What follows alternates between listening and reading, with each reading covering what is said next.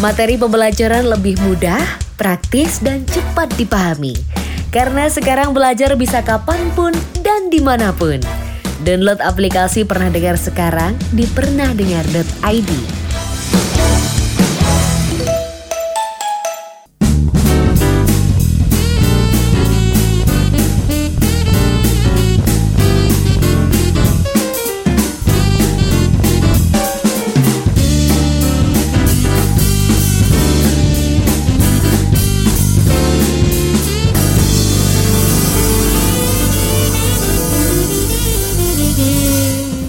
kembali lagi di Bingkai Suara teman-teman. Nah, Di episode kali ini, di episode musik bersama saya Rira Radi Kita akan ngobrol-ngobrol nih tentang musik ya. Nah sekarang kalau ngobrol musik kan saya nggak sendiri ya tentunya Mesti ditemani oleh musisi ya. Dan uh, sekarang kita ditemani oleh uh, gitaris ya Seorang gitaris yang ini unik banget nih listener nih. Kalau mungkin listener biasanya main gitar kan akustik, nilon Nah ini dia tuh mengkimpinkan itu steel gitar. Nah, dan Iya, iya, betul. ini, ini kabarnya nih dia juga barusan rilis single nih di hari ibu nih. Nah, kita kan kulik-kulik ya. Ini di sini sudah ada Amrus Ramadan. Halo Mas, Halo, halo, Halo, halo. semua. Apa kabar? di mana nih posisi sekarang? Jakarta. Itu Jakarta. Ini dari Jakarta ya teman-teman ya. Nah, Iya, ini betul. ya. Baik Mas ya kondisi ya. Sehat Alhamdulillah, Anda sehat. alhamdulillah Ya. sehat, Mas. Ya, di, di, uh, musim-musim sekarang ya yang musim lagi ya virus berkeliaran ya. Semoga Iya, sehat betul. semua ya, listener juga. Betul. Amin, Oke, amin. Nah ini eh, aku mau ngucapin eh, kongres dulu Mas ya buat singlenya ya, yang di 22 Desember Mas ya, tepat hari Iya, betul, ini betul. launching ya, judulnya You Don't Need. You don't need. Ya, nah tapi sebelum kita ngobrol-ngobrol tentang You Don't Need Mas, kita agak flashback dulu nih. Kita kenal kenal dulu dengan Oke, Amrus ini siapa nih? Nah Iya. ini kan berawal dari seorang gitaris Mas ya, gitaris dengan menggunakan steel gitar nih. Nah Iya, betul, steel betul. gitar. Nah ini mengkampanyekan nih bahwa sebenarnya Mas Amrus ini udah eh, bermusik sejak lama ya, sudah mungkin dari si- nasional dan internasional nih. Mungkin kalau Iya, betul, teman-teman betul. listener yang nggak tahu ya, ini bisa diceritain nggak Mas dulu dulunya eh, karir musiknya gimana, terus interest ke musiknya gimana, itu gimana Mas? Sebelumnya perkenalkan, saya Ambrus. Eh, senang sekali ini bisa silaturahim nih kita dan sahabat-sahabat bingkai karya juga listener ya. Nah. Eh, jadi sebenarnya eh, dulu eh, kebetulan saya eh, belajar musik itu dari almarhum eh, kakek saya. Hmm. Eh, jadi eh, Abdul Manap namanya. Eh, scene musik yang yang eh, beliau mainkan itu eh, ada musik keroncong, terus kemudian juga musik Hawaiian gitu kan. Oh ya Hawaiian. Waktu itu saya masih kecil banget. Eh, dari lingkungan itu, terus eh, habis itu saya belajar musik dari almarhum, eh, belajar musik keroncong, belajar musik Hawaiian. Nah di situ saya em, belajar juga eh, steel gitar. Eh, jadi kenal dengan steel Hmm. gitar dan belajar dari dari beliau. Karena kebetulan juga eh, almarhum itu dulu adalah pemain eh, steel gitar, jadi punya Oke. band dia. Nah dari situ kenal dengan instrumen steel gitar, belajar eh, basicnya dari dari almarhum, terus kemudian menge- mengembangkan sendiri.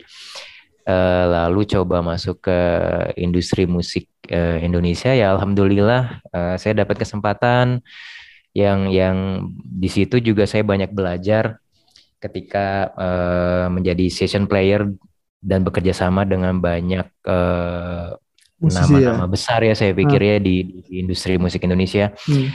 Eh, salah satunya saya dan masih aktif sebenarnya sih, jadi saya support juga dan sebagai session player eh, Tantowi Yahya, terus Hmm, kemudian oke. Bang Sandi Sondoro. Eh, sempat beberapa kali juga main di konsernya eh, apa dan menjadi bintang tamu juga di Tanda Mata acaranya dari almarhum Glenn Fredly. Hmm. Terus kemudian eh, apa main di beberapa event nasional internasional.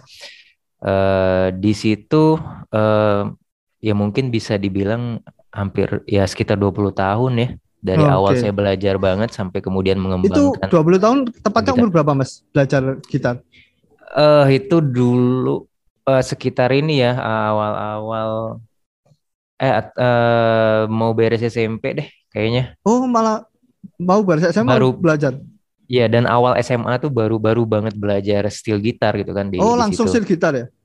Awalnya main gitar dulu sih, belajar Gitar gitar, dulu dulu. Oh Ya, gitar, belajar gitar biasa ya gitu ya. terus- ya karena ikut Oh. dengan almarhum kakek kan punya band keroncong Hawaiian, jadi saya juga Hmm. belajar banyak instrumen eh, Oke. musik di keroncong gitu kan. Mhm.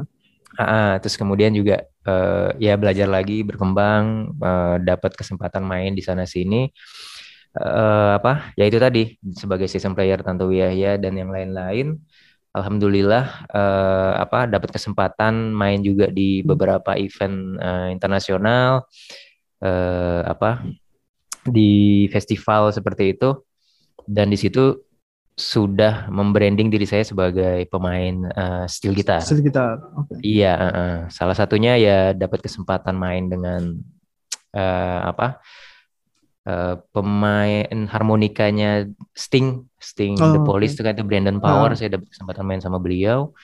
Terus kemudian juga ada Sun Gikuta, season playernya Coco Taylor. Coco Taylor itu uh, Queen of Bluesnya Amerika lah ya, bisa hmm. dibilang.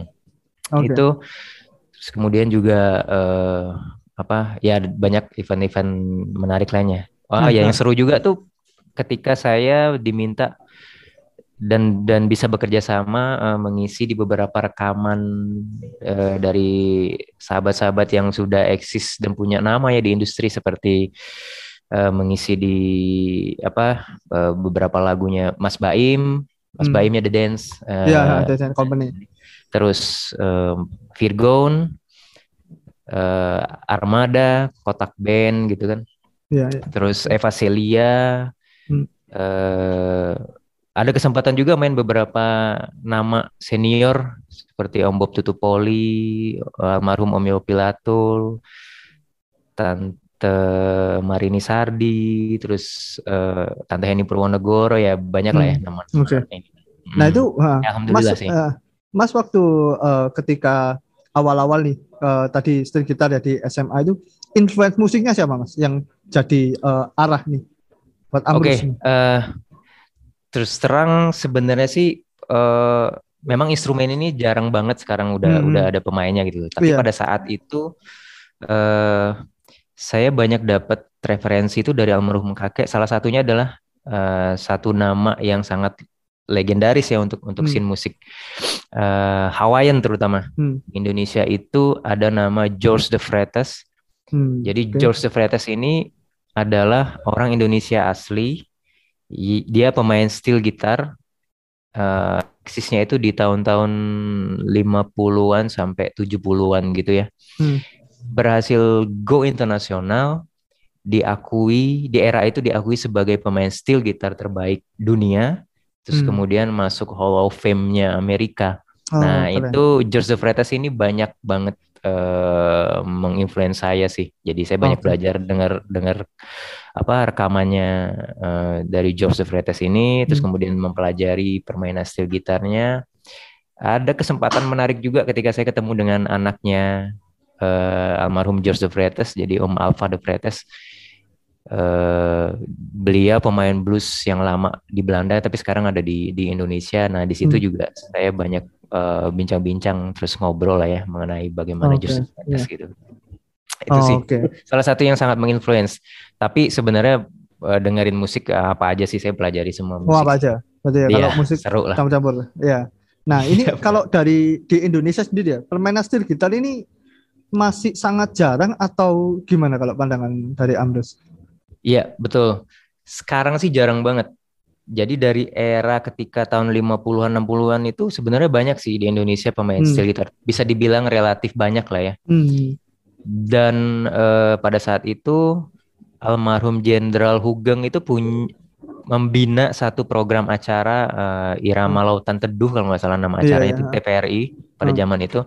Nah itu memang khusus untuk musik Hawaiian. Jadi ketika acara oh. itu masih ada uh, instrumen steel gitar ini cukup banyak pemainnya ya di di di, di tahun-tahun itu hmm. sampai akhir 70-an kalau nggak salah. Nah setelah itu uh, ke tahun 80-an mulai berkurang 90-an udah mulai hilang ke sini ke sini bisa dibilang oh. untuk mencari pemain steel gitar profesional itu hampir nggak ada ya bisa dibilang nggak ada. Hmm, okay. Ada beberapa teman-teman sahabat yang yang yang aktif main, uh, tapi kalau untuk yang memang profesional dan dan benar-benar uh, serius di situ, hmm. uh, saya pikir sih cukup sulit sekarang mencari okay. pemain gitar Indonesia gitu mas. Nah, nah ini untuk listener yang uh, mungkin juga masih asing dengan steel gitar nah ini biasanya Iya, betul. penerapannya ini di lagu ini uh, di genre yang apa sih country kah blues atau yang mungkin Iya, yang iya. bisa di, di dimasukkan oleh steel gitar yang mungkin uh, apa ya yang mungkin listener oh ini nih steel gitar nih kayak gini nih atau di mana sebenarnya Iya, iya Sering betul. isi. Jadi kalau misalnya dulu itu steel gitar ini banyak diaplikasikan di musik Hawaiian ya, scene musik Oh, Hawaiian kalau di Hmm. Indonesia dulu. Iya, mungkin kalau Dan- listener taunya Hawaiian tuh Bruno Mars untuk sekarang ya. Iya. Mungkin dari- asal Eh, dari sana mungkin ya. Kayak ini nih kalau misalnya kita sekarang ya anak-anak sekarang lah kalau misalnya suka nonton eh, eh, film apa SpongeBob itu Hmm, itu kadang-kadang kita bisa dengar itu Oh. ada bunyi-bunyi kayak gitar yang di slide di gitu slide, kan. iya. Eh, eh, itu sebenarnya bunyi Musik-musik bunyi pantai gitu gitar. ya. Betul, bunyi steel gitar tuh. Jadi dia yang Hmm. bunyinya mendayu-dayu terus kemudian di slide gitu kan. Anu ya, Nah. panjang Mas ya nadanya. Iya, dan dan dia me- memang menggambarkan bagaimana ma- apa ya kalau di sana tuh ya mungkin ombak, Ombak, laut gitu oh kan, iya. terus kemudian eh, angin, suasana di pantai gitu kan. Jadi cara memainkannya pun juga dengan dan memang dalam sejarahnya Hmm. instrumen cara memainkan gitar dengan teknik steel gitar ini sebenarnya ditemukan juga oleh orang Hawaii dan dan eh, sejarahnya di Hawaii kan Oh, awalnya Oke. gitu. Oke. Terus kemudian baru berkembang dibawa ke Amerika tepatnya di Nashville itu di kemudian berkembang menjadi pedal steel gitar. Oh, Oke. Nah, jadi dari scene musik Hawaii kemudian dia berkembang ke musik country juga. Hmm. eh, seperti Texas swing atau misalnya tradisional Iya, country iya, di sana. Terus sampai sekarang berkembang jadi pedal steel gitar di Amerika itu banyak digunakan di musik country. Ah. Tapi pengembangannya sekarang sebenarnya sih masuk ke musik apa aja sih. Steel Oh, gitar oke. bisa intinya sebenarnya steel gitar bisa memainkan musik apa aja Apa aja. selama pemainnya eh, punya kemampuan dan mumpuni untuk mengaplikasi mengaplikasikan itu di musik Iya, eh, dan beda heeh. genre gitu. Hmm. Mas Amrus kan juga udah membuktikan kan bahwa tadi udah ngisi dari musisi pop, musisi jazz, musisi country, Iya, blues iya, itu masuk-masuk aja gitu. alhamdulillah, alhamdulillah dapat kesempatan itu mas. Dan itu bisa masuk aja sebenarnya untuk penerapan uh, instrumen steel gitar ya. Nah ini Benar, apakah banget. steel gitar ini pengembangannya dari instrumen harpegi? Tahu mas? Harpegi, mung- em, apa Yang ya? biasanya Jacob Collier main itu mas. Tahu nggak Jacob Collier? Yang di kayak piano ditarik-tarik gitu loh. Dia kayak iya, ditekan bunyi gitu. Hmm, sebenarnya sifatnya gini. eh sebenarnya awalnya tuh dari gitar, Ha, gitar. Kalau dalam sejarahnya itu sebenarnya ya Spain Spain gitar lah ya, eh, Ah. gitar akustik biasa, Hmm. yang kemudian dimainkan dengan slide besi steel bar gitu. Iya. yang solid ditempelin ke senarnya terus kemudian di di slide, gitu slide, kan. iya. Nah, itu sebenarnya sih awalnya itu seperti itu. Hmm. Jadi memindahkan atau me- memainkan not-not yang berbeda itu dengan memindahkan si si steel bar yang nempel di senar itu kan. Di senar itu. Ha. Iya, sebenarnya sih Ah. eh apa? Gitar yang dimainkan dengan dengan eh, besi yang ditempelkan di Yang senar itu sebenarnya Iya, oke, Posisi oke. gitarnya tapi di di Di apa di pangku gitu kan, Pangku, ha. ditipkan di di Iya iya, gitu. iya. Iya, mungkin kalau listener mungkin kalau eh, lihat ya, mungkin kalau tahunya ya waktu si Jacob Collier main harpegi itu. mungkin, mungkin itu kan kayak sama tuh kayak eh, ditaruh senar semua ditekan-tekan gitu kan. Tapi itu notnya kayaknya notnya piano itu. Oh ya, Ka- kalau ini be- benar-benar tergantung dari dari si besi slide itu. Besi Si- itu, oke. Ya, eh, besi itu tuh. Ah, Oke, itu ya, mungkin listener. Nah, ini tadi kepo-kepo kan mungkin listener tiba-tiba pingin wah, gitar ini kayaknya juga pemainnya juga langkah ya gitu ya. Iya, Ini bisa. Atau bisa di, bisa cek di bisa cek di Instagram saya tuh banyak tuh ada beberapa video juga Nah, eh, saya main gitu kan. Main uh, steel gitar itu tadi ya. Nah, Steel gitar di Instagram saya Ambrus Ramadan. Nah ini kan setelah apa namanya setelah tadi eh dari steel gitar itu ya. Nah ini kan tiba-tiba Iya, nih betul. di 2021 nih ngerilis single nih ya. Iya. Ya yang judulnya You Don't Need ya. You ini. don't need. You Don't betul. Need. Nah ini kan di dirilis kan waktu bertepatan dengan Hari Ibu. Nah ini apa mas yang Iya, nge- nge-trigger akhirnya bikin single mas? Iya, eh, sebenarnya dulu eh, sebelum jadi session player itu saya punya band, band namanya Seva Band. Hmm. Eh, di situ eh, saya cukup banyak bikin karya lagu juga dan Alhamdulillah sih. Uh, waktu dulu masih masih punya punya momen band-bandan gitu. Karya saya salah satunya dipakai.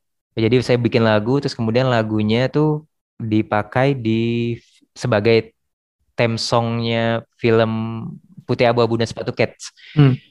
Itu tahun berapa ya? Sekitar 2000 2006 2008 gitu kalau nggak salah. Jadi film hmm uh, Putih Abu-Abu dan Sepatu Cats pada saat itu lagi dibintangi sama Arumi Baksin ya. Oh ya, sekarang Arumi jadi Baksin.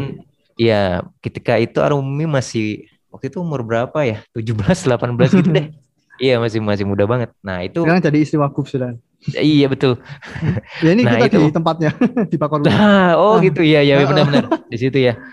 Uh, nah, jadi ketika lagu saya dipakai di lagu eh, di di film itu terus kemudian pada saat launching film juga uh, kita uh, saya dan band itu nonton itu di situ sudah mulai kerasa tuh bahwa oh, kayaknya seru nih kalau misalnya bikin lagu sendiri terus kemudian mengcreate itu dengan dengan membranding diri sendiri ya. Yeah. Sembari mengangkat uh, steel gitar itu juga karena yeah. memang instrumen ini sangat langka hmm. kalau di Indonesia. Hmm. Nah, berangkat dari pengalaman itu terus kemudian juga belajar banyak lah seba ketika menjadi season player terus kemudian bekerja sama dengan eh, nama-nama uh, yang uh, cukup populer di, di, di industri, industri musik Indonesia. Ya. Iya, itu saya banyak sekali belajar sampai akhirnya ada momen juga di di tahun 2021 kemarin uh, terbuka kesempatan untuk bekerja sama dengan Best Beat Music. Kebetulan ini manajemennya satu manajemen juga sama Bang Sandi Sondoro. Hmm.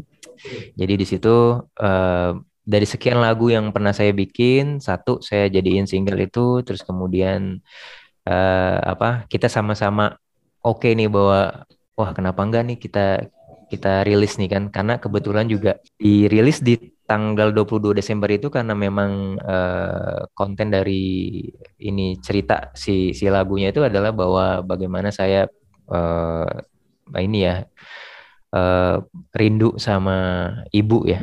Hmm, Jadi ya. karena kebetulan juga saya jauh dari dari dari orang tua dari terutama dari ibu yang sebenarnya tiap hari pengen ketemu tapi nggak bisa gitu kan oh. nah, ya beda terpisah jarak waktu gitu hmm. jadi tapi tetap setiap hari itu pengen uh, kita kangen lah sama sama ibu ya hmm. nah di situ tuh saya tuangin tuh uh, mengenai hal itu ke ke lagu single itu sih You okay. Don't Need It Oke, okay. nah ini proses penggarapannya mulai dari dari kapan mas sampai akhirnya uh, launching di 22 Desember.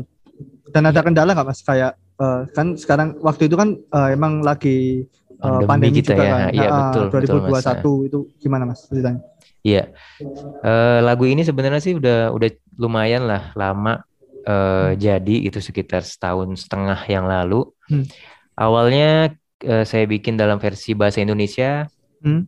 Terus kemudian uh, setelah saya coba uh, dengerin lah ke teman-teman dekat gitu kan, uh, coba diskus segala macam uh, kenapa enggak kita coba uh, bahasa Inggris oh. karena ternyata menurut persepsi dari dari teman-teman nih itu dengar musiknya tuh adalah musik uh, menurut mereka sih iya menurut hmm. mereka sih oh ini ini bobotnya nih bobot musik luar jadi kayaknya sekalian ya, aja ya, gitu ya iya match sih kalau misalnya uh, uh, kalau misalnya oke okay, ini kayaknya kalau kalau kita coba dalam versi bahasa Inggris hmm. nah kebetulan setelah jadi itu dalam versi bahasa Indonesia akhirnya saya rubah itu saya dibantu ada sahabat saya uh, dia musisi folk juga hmm. uh, namanya Rosemary Jane jadi hmm. as aslinya orang Indonesia tapi kebetulan lama uh, di di Belanda sekitar 9 tahun gitu nah sekarang tinggal di Indonesia jadi dia bantuin hmm. kita garap uh, versi bahasa Inggrisnya tapi tetap permaknaannya sama, sama. dengan, okay. dengan sebelumnya yang bahasa Indonesia hmm itu secara lirik penulisan terus kemudian juga untuk produksi saya dibantu sekali sama ada sahabat saya uh, namanya Adi Julian. Okay. Jadi Adi ini dulu satu band sama saya ketika saya bikin lagu yang dipakai di film uh, tadi ya. Uh, ya Putih Abu Sepatu Cats itu. Uh, kemudian kita udah berkarir nih masing-masing. Nah Adi sekarang sebagai uh, pemain keyboardnya ya Yofi Nuno jadi gantiin yeah. Mas Yofi. Hmm. Nah Adi, Adi terus kemudian dia mixing mastering dibantu sama uh, Kang Diat. Kang Diat juga pemain gitarnya di di Yofi Nuno. Kebetulan hmm. kita deket sih teman-teman dekat juga. Nah di situ saya dibantu sama mereka, kemudian produksi sampai jadi uh, dan gayung bersambut lah sama Best Beat uh, Music. Nah okay. jadi Best Beat Management kemudian merespon dan oh ini oke okay nih, uh, oke okay nih kita jalanin uh, karena se secara ini kita sepakat nih bahwa karya ini uh, penting buat kita untuk di, dipublikasikan hmm. dan kita juga senang menyampaikan uh, konten cerita lagu yang uh, di sini kan saya coba gimana memberikan yang terbaik untuk orang tua ya terutama ibu okay. gitu. Hmm. Nah, gitu deh Mas. Ya seru-serunya sih menjalani ini semua di tengah pandemi adalah ada keterbatasan uh, workshop gitu ya. Iya iya. Tapi alhamdulillah semua lancar sampai semua akhirnya bisa ya? produksi okay. semua sih. Oke. Okay. Nah, 22 Desember tadi, kemarin, nah, tahun kemarin. Nah itu, nah, itu tadi ada saudara. Nah ini kan uh, sekarang kan sudah Amrus kan sudah berdiri sendiri nih ya, dalam single ini nih. Iya ya, betul. Nah ini ke depannya nih rencananya apa mas di tahun 2002 ini? Iya, ini sebenarnya udah pengen banget nyusul ke single kedua ya. Oke. Okay, huh? Lagi lagi dalam proses penggarapan. Hmm. Uh, apa? Sebisa mungkin sih secepatnya itu udah udah bisa udah bisa uh, rilis. Hmm. Uh, lagi kita coba lagi range sekarang. Uh, dan mungkin sih uh, oh ya perlu perlu saya sampaikan juga mengenai yang single pertama kemarin yang You Don't Need itu technically sebenarnya saya tidak uh, apa uh, mencoba untuk bernyanyi uh, misalnya uh, powerful atau misalnya okay. gain gitu ya. Hmm. Terus uh, pengen terdengar seperti apa uh, me, me range musiknya skillful hmm. atau gimana gitu. Hmm. Jadi bener-bener saya pengen musiknya sederhana, uh, bass rootnya itu terdengar tetap seperti ada folk countrynya. Hmm dan cara menyanyinya itu sebenarnya uh, persis saya mencoba uh, pendekatan itu persis bagaimana kalau misalnya ketika saya ketemu sama ibu oh. uh, lagi ngobrol gitu ya. Oh, feelnya itu ya yang dibangun. Ya, ya, jadi intimate ngobrol sama sama ibu terus kemudian uh, sharing apalah ya. Nah, itu suasana itu yang coba saya pindahkan uh, ke dalam ke dalam single itu. Nah, itu untuk single yang pertama. Yang kedua mungkin kita akan coba yang lebih uh, lebih punch lah ya. Jadi jadi saya coba lebih lagi coba uh, range yang lebih ya. ngebit. Ya, seperti itu. Ya mudah-mudahan nanti next uh, single mungkin ada dua single lagi. Kemudian insya Allah kalau memang semua lancar uh, kondusif uh, di 2022 udah bisa bikin uh, minimal mini album ya. Hmm. Udah bisa ini. Oh, gitu okay. mas. Oh, Oke okay. itu tadi ya plannya dari Ambrus ya udah udah kepeta nih. Uh, ini mau ke mana ada single kedua dan ada single ketiga dan ya yeah. nanti ya siapa tahu bisa langsung album ya mas jadi. Amin, amin, amin. Iya benar. Oke, okay. ah ini pesan-pesan terakhir ya mas untuk lagu yeah. You Don't Need nih buat pendengar nih. Oke, okay. Uh, saya sebelumnya uh, memang benar-benar ini ya apa yang dirasain nih. Jadi dituangkan di situ, hmm. ditulis di situ. Hmm. Mudah-mudahan sih bisa bisa menginspirasi uh, teman-teman semua bahwa apa pun kondisinya, walaupun misalnya kita uh, dalam keterbatasan ya jauh dari orang hmm. tua hmm. terus kemudian juga nggak bisa nggak bisa ketemu langsung uh, terpisah jarak waktu dan segala macamnya keterbatasan itu mungkin uh, bukan masalah untuk memberikan tetap bisa memberikan yang terbaik ya hmm. buat orang tua terutama buat ibu jadi ya termasuk juga uh, kita mendoakan yang terbaik uh, buat orang tua kita gitu. Hmm. Jadi mudah-mudahan dari karya lagu ini tetap mengingatkan uh, mungkin juga mudah-mudahan bisa memotivasi menginspirasi kawan kawan-kawan hmm. semua untuk selalu memberikan yang terbaik buat orang tua kita terutama buat ibu nah, gitu ya. mas nah oke okay. nah itu tadi ada pesan-pesan dari Amrus di lagunya You Don't Need bahwa ini emang uh, lagunya personal untuk ibu ya dan mungkin ya, ya uh, uh, pendengar pun mungkin bisa relate ya dengan mungkin ya banyak ya mungkin teman-teman atau listener yang uh, lagi merantau nih gitu kan. Entah uh, kuliah yeah. atau bekerja gitu kan. Nah ini yeah. bisa mudah-mudahan mudah-mudahan bisa. Ya, siapa tahu ini feelingnya sama ya. Tadi kan udah dijelasin oleh uh, Amrus Ramadan bahwa pesan-pesannya ini uh, untuk ibu gitu ya karena rindu oleh orang tua gitu ya Iya, betul. Ya. Oke, eh, makasih ya Mas Amris ya buat eh, ngobrol-ngobrol hari ini ya. Ya. Terima kasih banyak Ya, Mas. Terima eh, kasih Ditunggu ini karya-karya selanjutnya ya. Nanti mau Amin, sini lagi ya. amin. gitu ya. Terima kasih supportnya Mas. Lagi. Ya. Ya. Bisa Sukses selalu. Oke, oke.